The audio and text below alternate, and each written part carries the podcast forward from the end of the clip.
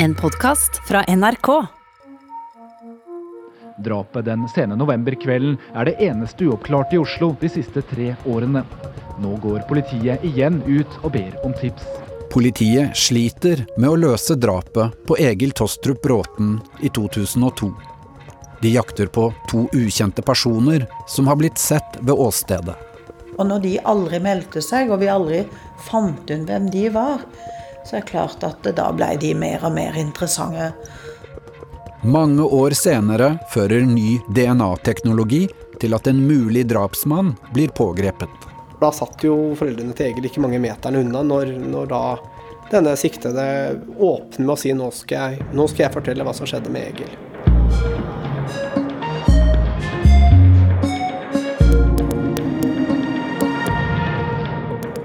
Du hører på andre og siste del av hele historien om drapet på Egil Tostrup Bråten av Ellen Borge Christoffersen.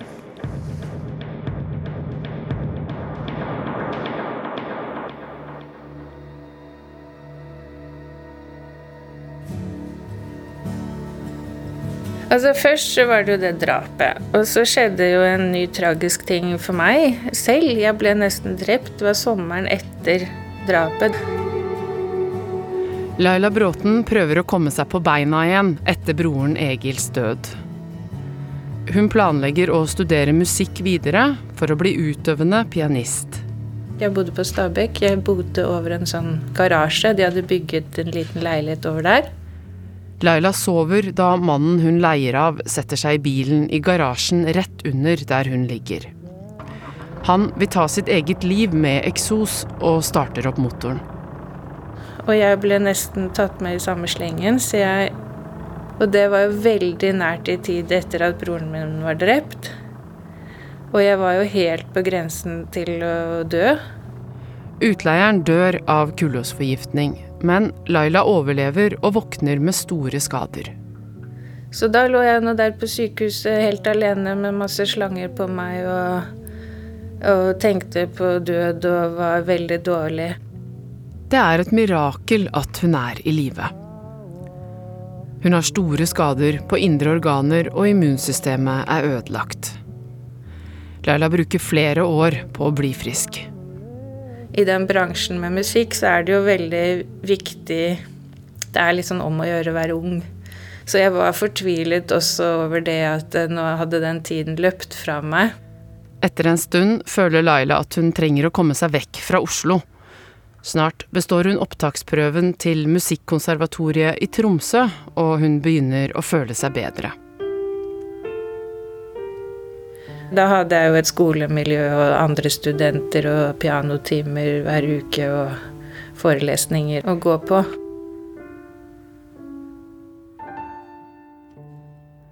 Det har gått ett år siden drapet, og politiet har fortsatt ikke pågrepet noen mistenkte. Saken er på ingen måte lagt bort, og nå ønsker de å få inn nye krefter.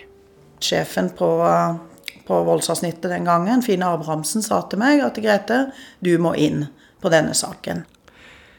Høsten 2003 blir politiførstebetjent Grete Lien Metlid ny pårørendekontakt for familien til Egil Tostrup Bråten. Hun og et eget team får et spesielt ansvar for saken videre. Nok en gang går politiet igjennom om Egil kan ha vært involvert i noe farlig på privaten. Han jobba som dørvakt på Blue Monk, en brun biljardpub nært der han bodde. Siden han var en sterk og uredd mann, ikke en som trakk seg unna, så lurer politiet på om han kan ha fått seg noen uvenner. Om det var noe spesielt som kunne ha skjedd i hans i både omgangskrets hadde man snakka med, arbeidsgiver, steder han hadde, ja, hadde, en eller annen tilknytning til, familie. Det, vi fant ingenting. Alt tyder på at Egil har vært et tilfeldig offer. For det første så var jo Egil Tostrup Bråten Han var jobb, han var ikke en person som var kjent for politiet. Vi hadde liksom ikke noe sånn noe opplysning som liksom skulle tilsi at noe skulle skje med han. Så får en annen teori oppmerksomhet. Har noen blanda Egil med en kriminell som ligner, og som bor i samme område? At noen hadde forveksla han med noen andre. Og det husker jeg også at det kom inn noen tips og opplysninger om, og man undersøkte det. I nærheten av drapsstedet er det flere hospitser hvor mange tunge rusmisbrukere går inn og ut. Det er derfor ikke helt ukjent med tyveri og bråk i gatene rundt.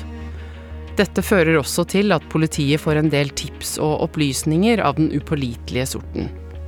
Nei, Det var jo bl.a. at det gikk rykte på at eh, den og den kunne ha noe med et drap å gjøre, og at det var et uløst drap eksempelvis. Alle disse opplysningene ble jo sjekka ut, og så kom man til en eller annen kilde til slutt som kanskje viser seg at det ikke er så veldig mye uhold i opplysningene, da. Egil blir beskrevet av mange som en fyr med sterk rettferdighetssans. Hvis han har sett noen som bryter seg inn i en bil, er det ikke usannsynlig at han ville blanda seg inn. For skrutrekkeren som er funnet, kan ha blitt brukt som verktøy for innbrudd. Men både skrutrekkeren og knivslira peker også mot det som fortsetter å være en av politiets hovedteorier at det har vært et ran. Dette at man kunne bruke både stikkvåpen og type sånn verktøy til å, til å true, da. Det er klart det var noe av det man eh, hadde med seg eh, som eh, understøtta et sånn type motiv, da. Politiet lager seg derfor store oversikter over moduskandidater. Dvs. Si at de går gjennom kjenninger som har væpna ran på rullebladet, og som kan ha vært i området da drapet skjedde. Vi hadde mange navn helt fra starten av denne saken som ble sjekka ut. Metlid og kollegaene tar fram overvåkningsvideoen fra portrommet på nytt. For å se om det er mulig å forbedre den dårlige bilde- og lydkvaliteten, henvender de seg til politiet i England. Både amerikanere og husker jeg mener jeg husker, folk fra andre land brukte engelskmennene og London-politiet. Og vi sendte brev da til, eh, til London-politiet og spurte om vi kunne få innpass. Og det var veldig vanskelig, og vi, vi var heldige som fikk det. Jeg husker vi skrev at, eh, at denne saken var den eneste uløste. Det var iallfall det på den tida. Ekspertene de snakker med får ikke gjort så mye med bildekvaliteten. Men de mener at de hører to personer, i tillegg til Egil Bråten, på videoopptaket. Og... Eh, den lyden der, det er jo lyden av, av stemmer. Selv om vi aldri klarte å få godt nok fram ord, så, så hadde vi jo også inne spesialister som prøvde som, som på sånn stemmeanalyser, som bl.a. mente at det kunne være to, da. Selv om dette ikke løser saken, så hjelper det noe. I alle fall så, så var jo også lyden der med på å skape et veldig sånn godt bilde av bevegelser og tidsforløp. Så det var jo bare noen minutter vi ikke hadde kontroll på.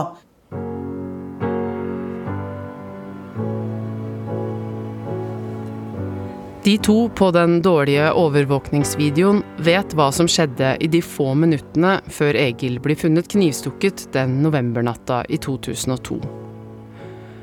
Politiet finner ikke ut hvem de er, og de melder seg heller ikke som vitner. Og når de aldri meldte seg, og vi aldri fant ut hvem de var, så er det klart at da ble de mer og mer interessante. Og etter hvert som åra gikk, så ble vi nok mer sikre på at de måtte kanskje ha noe med saken å gjøre.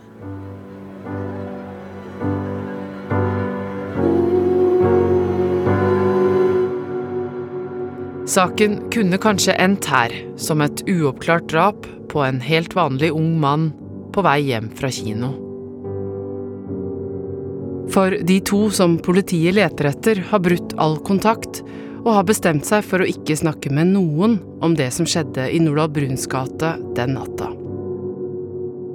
Ingen av de to gjerningspersonene har hatt lyst til å la seg intervjue til denne dokumentaren, men vi har basert oss på det som står i dommene og referater av hva de to har forklart i retten. Den yngste, som var 16 da drapet skjedde, trekker seg etter hvert ut av det dårlige miljøet og starter på en høyere utdanning. Den andre, som er to år eldre, fortsetter med alvorlig kriminalitet. Dommer fra årene som følger, forteller om innbrudd, vold, narkotikalovbrudd og væpna ran. Derfor havner DNA-profilen hans allerede i 2004 i politiets DNA-register for straffedømte. Og der blir den liggende.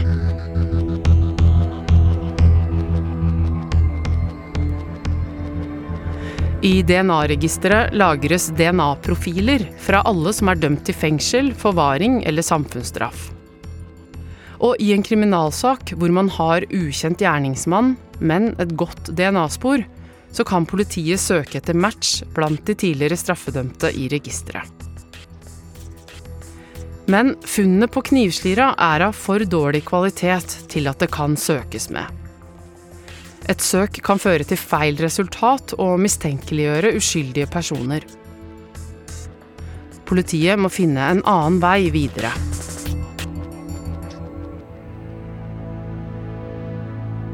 Det er gått tre år siden 23 år gamle Egil Tostrup Bråten ble funnet livløs her på fortauet utenfor sin egen leilighet i Nordahl Bruns gate. Drapet den sene novemberkvelden er det eneste uoppklarte i Oslo de siste tre årene. Nå går politiet igjen ut og ber om tips. Drap ønsker vi jo bestandig at de skal bli oppklart, så det er all grunn til å gjøre det som er mulig for å fortsatt jobbe med saken. Så er klart, Med åra går så begynner det å bli litt mer uttømt hva Det kom ikke inn så mye tips og opplysninger når, selv om vi prøvde oss på mange medieoppslag og skape interesse for å se om det kunne komme noe nytt. Så, så, så gjorde jo det for så vidt ikke det. I 2008 får politiet høre om en ny teknikk i Skottland som skal få mer DNA ut av dårlige prøver.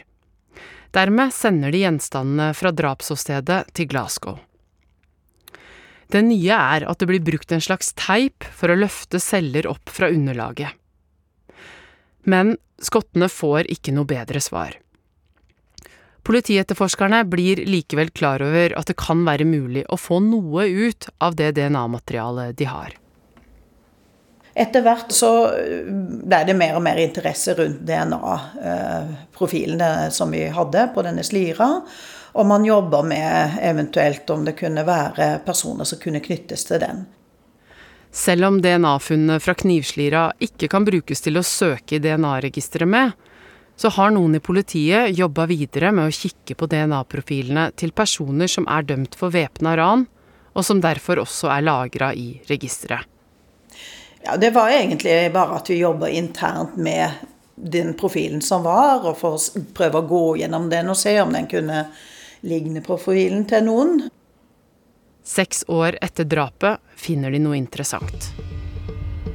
Eh, vi hadde flere møter med rettsmedisinsk, og etter hvert så, så ja, fikk vi jo mer tro på det. Eh, denne personen eh, Vi hadde jo en person Personen, vi kan kalle han Aron, er blant de potensielle moduskandidatene til politiet. Noen i etterforskningsteamet har oppdaga at det er trekk ved DNA-profilen hans som kan ligne litt på funnet fra knivslira. Men likheter som dette holder ikke som bevis, fordi det kan være andre personer som også ligner litt på prøven.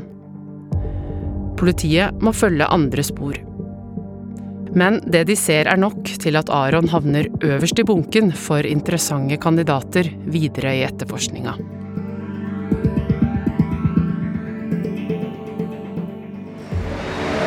It's all over, and so is life in the Premiership for Leeds United. Årene går, det er lite nytt, men etterforskningen blir aldri helt lagt ned. Leeds United, laget Egil Bråten fulgte i tykt og tynt, har det gått nedover med. I 2012 har de etablert seg som et middelmådig førstedivisjonslag. Men det er lite å si på samholdet i supporterklubben i Oslo. På dagen ti år etter drapet bestemmer kompisen Øyvind Bratli Skåre at de skal dra i gang en markering for å få litt blest rundt saken igjen. Eh, ti år etter, drapet var fortsatt ikke oppklart. Det gjelder å holde trykket oppe, få fokus på ting. Kanskje det kommer inn nye tips. Her har media et ansvar. Øyvind inviterer media, men blir skuffa. Bortsett fra lokalavisa Glåmdalen er ingen interessert i markeringa. Ingen stilte. Ikke én riksdekkende enhet som fråtset i dette her eh, ti år tidligere, var til stede. Ikke én. Og det, det gjorde meg eh, rett og slett bare forbanna. Politiet har jobba videre med likheten de har sett mellom sporet fra knivslira og den tidligere straffedømte mannen vi kaller Aron i DNA-registeret. Selv om det er usikkert, bestemmer de seg for å satse. Nå vil de prøve å få mer informasjon på utradisjonelt vis. Håpet er at de skal få håndfaste bevis som kan støtte at DNA-et på åstedet kanskje stammer fra han.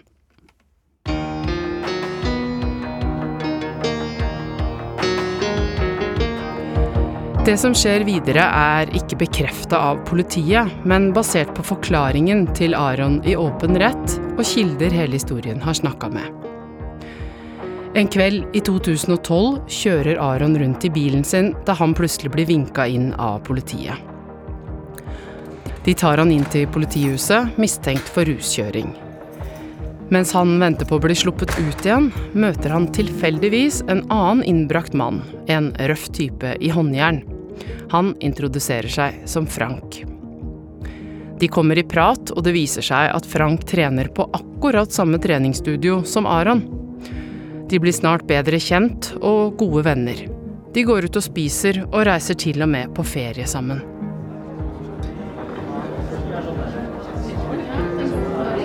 Frank driver med litt av hvert. Han har narkotikakontakter i Danmark, og vil gjerne ha med Aron på å hente penger her og der, eller være følgebil på hasjsmugling over grensa. Etter en stund syns Aron det blir litt mye rart med det nye kriminelle bekjentskapet. Han får kalde føtter og trekker seg unna. Hele historien har blitt fortalt at den røffe mannen Frank egentlig er en undercover politiagent som hadde som mål å bygge en relasjon til Aron i håp om å få lirka ut noe informasjon om drapet på Egil Tostrup Bråten. Statsadvokat Andreas Strand, som leda sluttfasen av etterforskninga, vil ikke si noe mer om dette. Både av hensyn til metoden, at man ikke ønsker å, å røpe åssen man jobber, men også ut ifra at man helt konkret har taushetsplikt, så, så, kan jeg ikke gå inn i det. Kan du si noe om det hjalp eller ikke? Nei, det blir ikke naturlig. Det vil heller ikke Grete Lien Metlid. Vi eh, brukte ulike tilnærminger her. og vi brukte de mulighetene vi hadde. Det gjorde vi. Den uvanlige undercover-aksjonen gir ingen resultater og blir avslutta. Men politiet innkaller Aron til et avhør på politistasjonen i håp om at han skal si noe. Det har blitt 2013. Da var, hadde han vitnestatus og ble spurt om eh, saken og om han hadde noe kjennskap til den, og det forklarte han at han ikke hadde.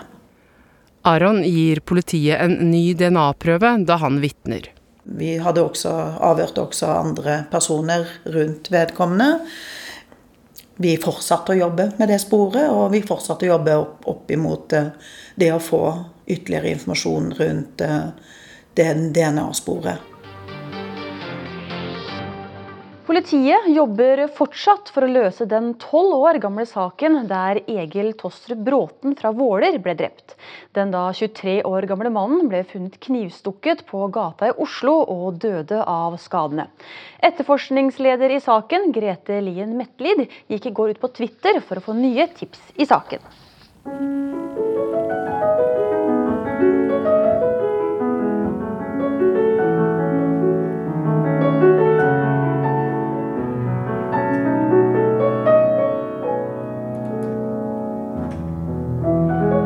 Egils søster Laila har med årene fullført utdanninga si som utøvende pianist. Hun spiller konserter og tar private oppdrag. Etter så mange år i uvisshet har hun klart å finne en slags ro, og hun føler at hun kan leve videre uten at saken blir oppklart.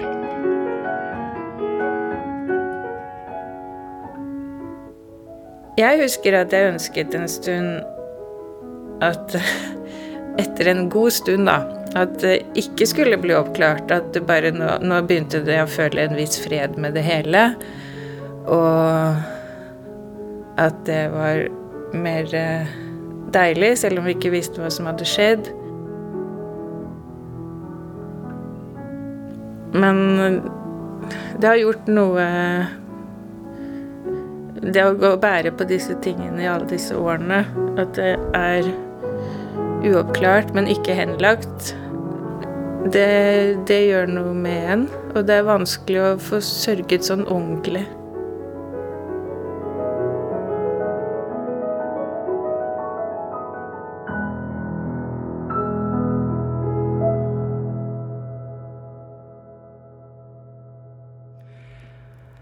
I tida rundt 2013-2014 har det skjedd små, men viktige forbedringer med DNA-teknologien. Man kan nå få mer informasjon ut av dårlige prøver, som den fra knivslira. Analyseinstrumentet var det vi kalte en ny generasjon, altså en forbedra og optimalisert. Analysemåten er den samme. Men kjemikaliene og utstyret er forbedret, forklarer Bente Mevåg ved Rettsmedisinsk institutt. Begge deler førte til økt følsomhet, altså det at man kunne få resultater, gode resultater på relativt dårlige prøver. Politiet ønsker derfor å gjøre en ny og full analyse av det dårlige DNA-funnet fra knivslira, i håp om å kunne få et bedre resultat. Rettsmedisinerne på laboratoriet får tilsendt prøver fra fem vitner til sammenligning. Blant de prøvene er også den nye DNA-testen fra mannen vi har kalt Aron. Og så blir vi også anmoda om å gjøre noen nye undersøkelser. Dels av de ekstraktene vi hadde fra før, og dels fikk vi beslag for å prøve å gjøre nye undersøkelser. Og de nye undersøkelsene gir for første gang et gjennombrudd i saken. Et av vitnene som vi fikk prøver av, var jo han som da viste seg å ha samme DNA-type som, som sporet fra Sliren.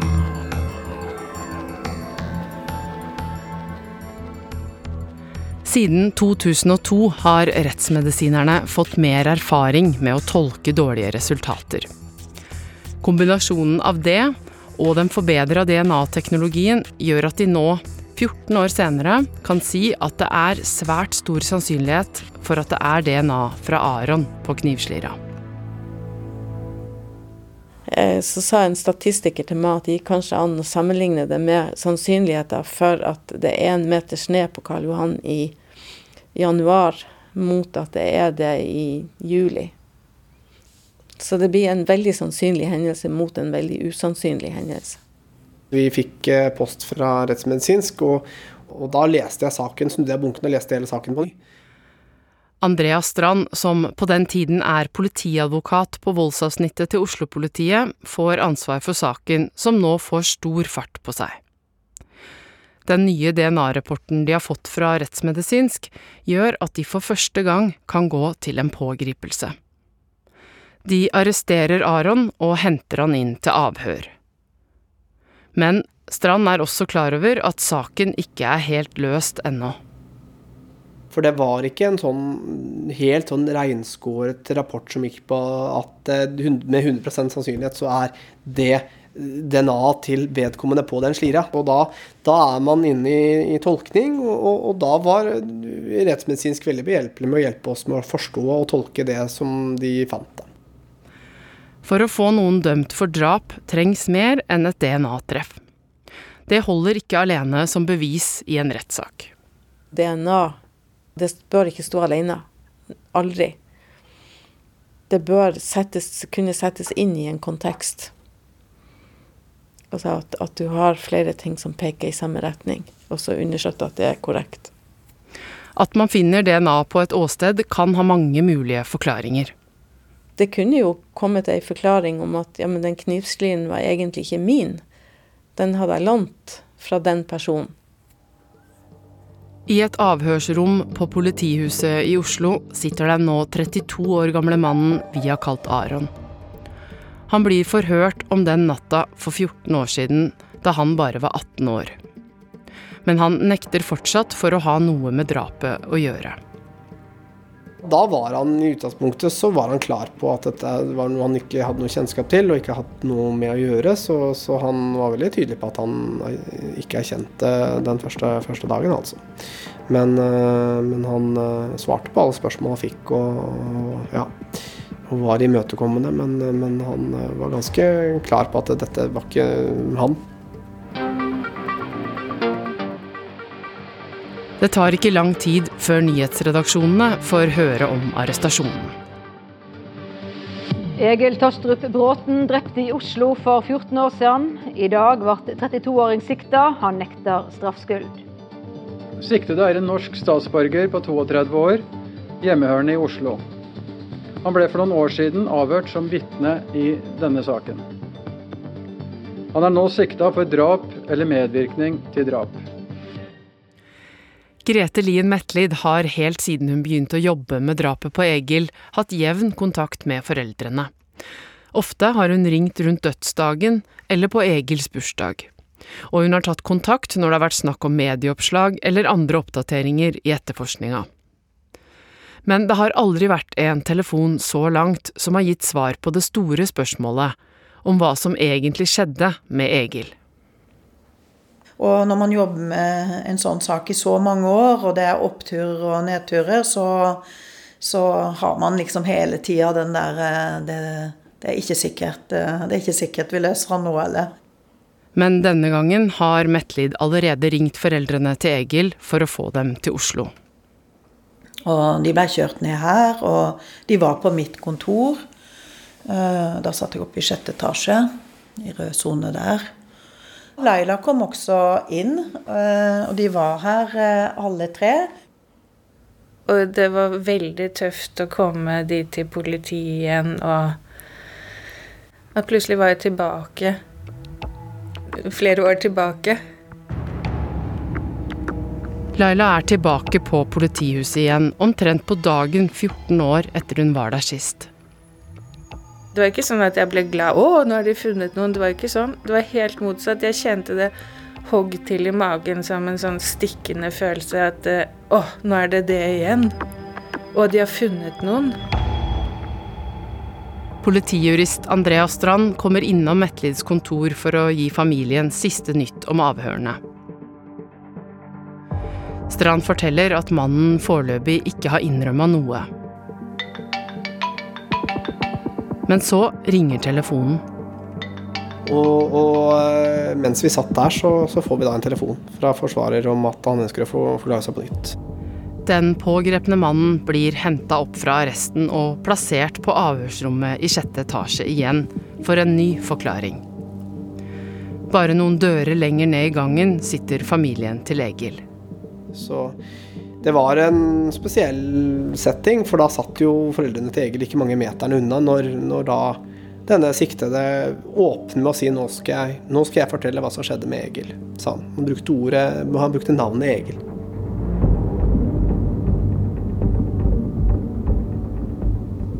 Det, det, kommer jeg aldri til å glemme. Det var, det var et spesielt øyeblikk eh, for alle vi som, som var til stede og som hadde jobbet med saken. Jeg oppfattet han da i dette andre avhøret at han var, han var veldig preget. Eh, og, og, det kan være bare noe jeg antar, men, men, til slutt så virket han også litt lettet over å kunne fortelle noe han hadde bært på eh, for seg selv i så mange år.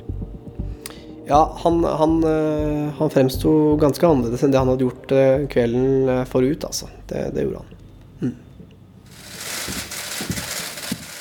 Grete Metlid var politiførstebetjent på voldsavsnittet da drapet skjedde.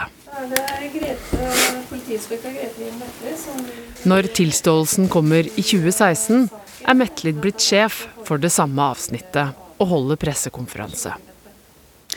Ja, vi har bedt om at dere kommer hit fordi vi vil gi en oppdatering på saken. Siktede ba i dag om å få komme til nye avhør. Avhøret har nå pågått i mange timer, og han har gitt en helt ny forklaring til oss. Og det skjer mer. Vi eh, hadde et inntrykk ut ifra sakens opplysninger om at det hadde vært mer enn én person involvert i det vi da skjønte at det, dette var et ran. Eh, og eh, da, da, spurte vi noe rundt det. Han var jo tydelig på eh, først at det var to stykker som var involvert. Og han, han ville Han, han, eh, han snakket hele tiden om den andre, da. Og ville på en måte ikke uten videre si navnet til vedkommende, men, men, det gjorde han til slutt, altså. Etter at vi spurte flere ganger om det, og da, da kom navnet til slutt, altså. Så, men, men det, det satt langt inne for han, og det kan man jo selvfølgelig forstå. Nå har politiet enda et navn. Et navn på en person som har vært helt ukjent for dem, og som bare var 16 år da drapet skjedde. Han lever et helt annet liv nå, og er langt inne i et mangeårig studium. Det blir avbrutt da politiet henter han inn. Den nye personen bekrefter i avhør at han var til stede drapsnatta.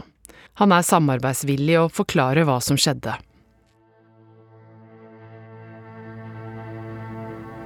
Mitt bestemte inntrykk var jo at de var, det var klart, en klar tilstedeværelse av lettelse hos begge de to som hadde gått og båret på denne fæle hemmeligheten i alle disse årene. Politiet vet nå hvem begge de to skyggene som fulgte etter Egil fra St. Olavs plass er. Den gangen var de 16 og 18 år. Da de blir pågrepet, er de 30 og 32. Jeg tror det var faktisk da først at jeg virkelig kjente at vi har løst saken. Etterforskerne har fått innrømmelsene de ønska seg og trengte. Det betyr at en 14 år lang etterforskning er over, og at saken endelig skal få en avslutning i retten. Og det, det er klart, jeg har vært med på mye i, i så mange år med drapssaker i Oslo. Så er klart eh, Dette har jeg jo aldri vært med på før, å løse en sak etter så mange år. Så det er klart det var spesielt eh, for meg, og det var også veldig spesielt for Nina Holm Andersen, da, som var hovedetterforskeren. Faren til Egil, Steinar Bråten, blir intervjua av NRK Hedmark og Oppland samme dag som tilståelsen kommer. Har jo de senere årene lagt bak meg dette her med oppklaring av saken. Jeg har ikke trodd det ville bli til noe. Og det er fantastisk gjort av Oslo politi etter 14 år å klare det. Men du, Hva betyr det å få en sånn beskjed som dere har fått i dag, om at det er en som er sikta og faktisk har tilstått? Ja, det betyr at det, samfunnet kommer mer i balanse, da. At det blir oppklart. Det er jo helt utrolig bra. Så jeg føler meg litt opprømt og oppkvikket i dag. Da saken kommer opp i Oslo tingrett juni 2017, forteller de to tiltalte om alt som gikk galt den natta i 2002. De gir litt forskjellige forklaringer på hva som var motivet for ranet, men retten fastslår at det er et tilfeldig grovt ran som har endt med drap. Egils mor, Solveig Bråten, forteller senere om opplevelsen av første dagen i retten til NRK. Jeg opplevde jo på en måte at de på litt forskjellig vis prøvde å bagatellisere det de hadde gjort. Og jeg kjente liksom både en litt skuffelse og, og, litt sinne, og at jeg hadde lyst til å gråte. Men jeg hadde jo bearbeidet sorgen i 14 15 år. Så jeg forholdt meg jo helt rolig og jeg så jo også at de egentlig ikke hadde det godt.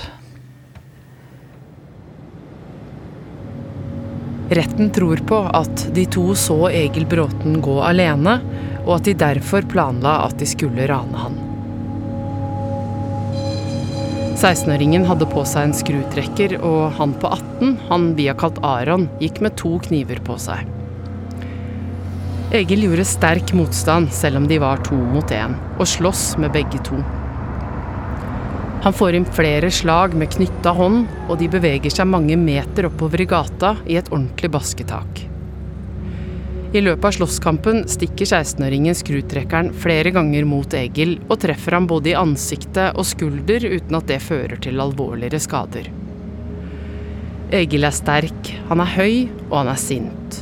Og han lar seg ikke nedkjempe.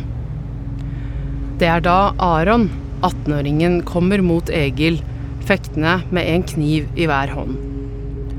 Egil gjør fortsatt motstand, men blir til slutt truffet i brystet på venstre side av en av knivene. Den går 6,5 cm inn. Egil står i noen sekunder før han faller sammen. De to løper fra stedet. Langt vekk. Noen minutter senere kjører politiet ned samme gata.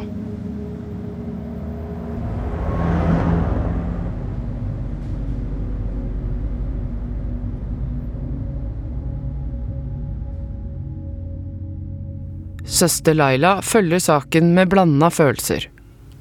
Jeg gikk jo ut da det var sånne obduksjonsbilder. Men så viser de jo plutselig sånn klær som broren min hadde på seg, som jeg, jeg husker jo de klærne og Det kom veldig sånn tilbake til meg. Hele greia. Og broren min også. I 2018 kommer den endelige dommen. En 33 år gammel mann er i lagmannsretten dømt til fengsel i ni år og seks måneder for drapet på Egil Tostrup Bråten for over 15 år siden. Det er ett år mindre enn dommen fra tingretten.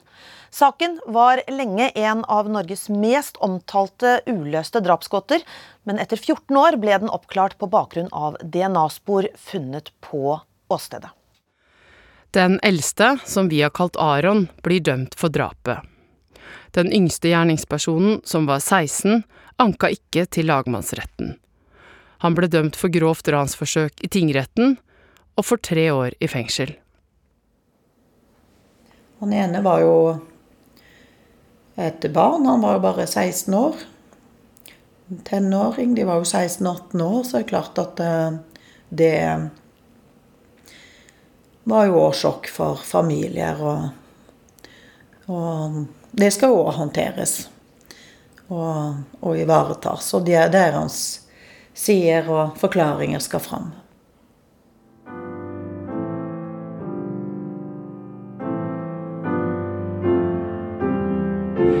Laila Bråten, Egils storesøster. Sånn i litt større perspektiv, for samfunnets del, så er det bra at ting blir oppklart. Det mener jeg også. Og jeg tror også for min egen del at på litt lengre sikt så er det bra at det er oppklart.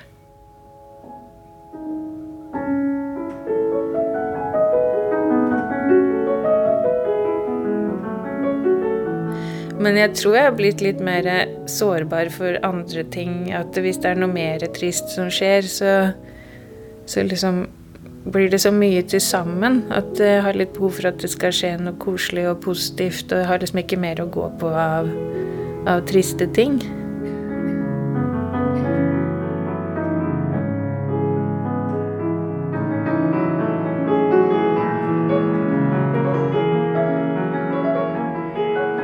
Steinar Bråten skriver dikt om sorgen etter å ha mistet en sønn. Der du er jeg planter høstlyng på din grav, ser tilbake, takke for de år du gav. Ditt liv ble kort, men smilet ditt bar framtid i seg, var sterkt og godt. Jeg legger gylne lønneblad varsomt ned, gjør korsets tegn, og vet at der du er, er harmoni og fred.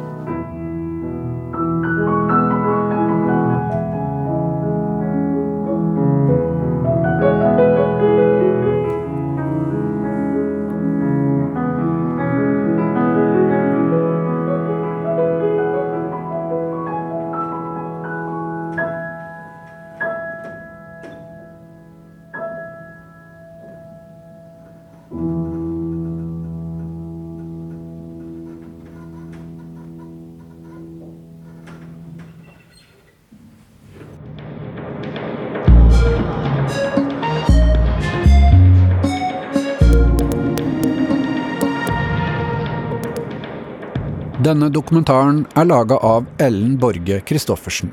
Lyddesign ved Kjetil Hansen. Produsent Line Alsaker. Redaktører Vibeke Haug og Siril Heierdal. Pianomusikken ble fremført av Laila Bråten. Vignettmusikken er laga av Nils Jakob Langvik. Jeg heter Kjetil Saugestad og er prosjektleder. Sender du oss en e-post på hele historien, krøllalfa, nrk.no, så skal du få svar. Husk at alle episodene får du først i appen NRK Radio. En podkast fra NRK. Hei, jeg heter Frida Brembo. Og jeg har gått rundt og tenkt mye på alle heltene der ute i Bygde-Norge. Ildsjelene som bruker alle sine krefter på å redde småplassene. Der andre bare ser etter exit-skiltet og kommer seg bort. Det skal ikke være mer utrygt å bo i distriktene enn det er i en storby. Så jeg tok med meg opptakeren, og jeg reiste rundt. Og jeg snakka med de som kjemper for skolene, for arbeidsplassene og for sykehusene. Hvor viktig er de for bygda? Kan de redde småsamfunnene? Vi har senka formuesskatten, og staten har forlatt oss. Jeg fikk hjelp hos han Ola Helnes, som også har redigert det her sammen. Og så må du fære og snakke med han der Paradise Hotel-fyren som fikk foreldrene til å skille seg, sånn at han kunne flytte og gå på en annen skole. I det tidspunktet du legger ned skolen, da, da vil jo bygda dø. Og i lag har vi laga serien Exit bygda.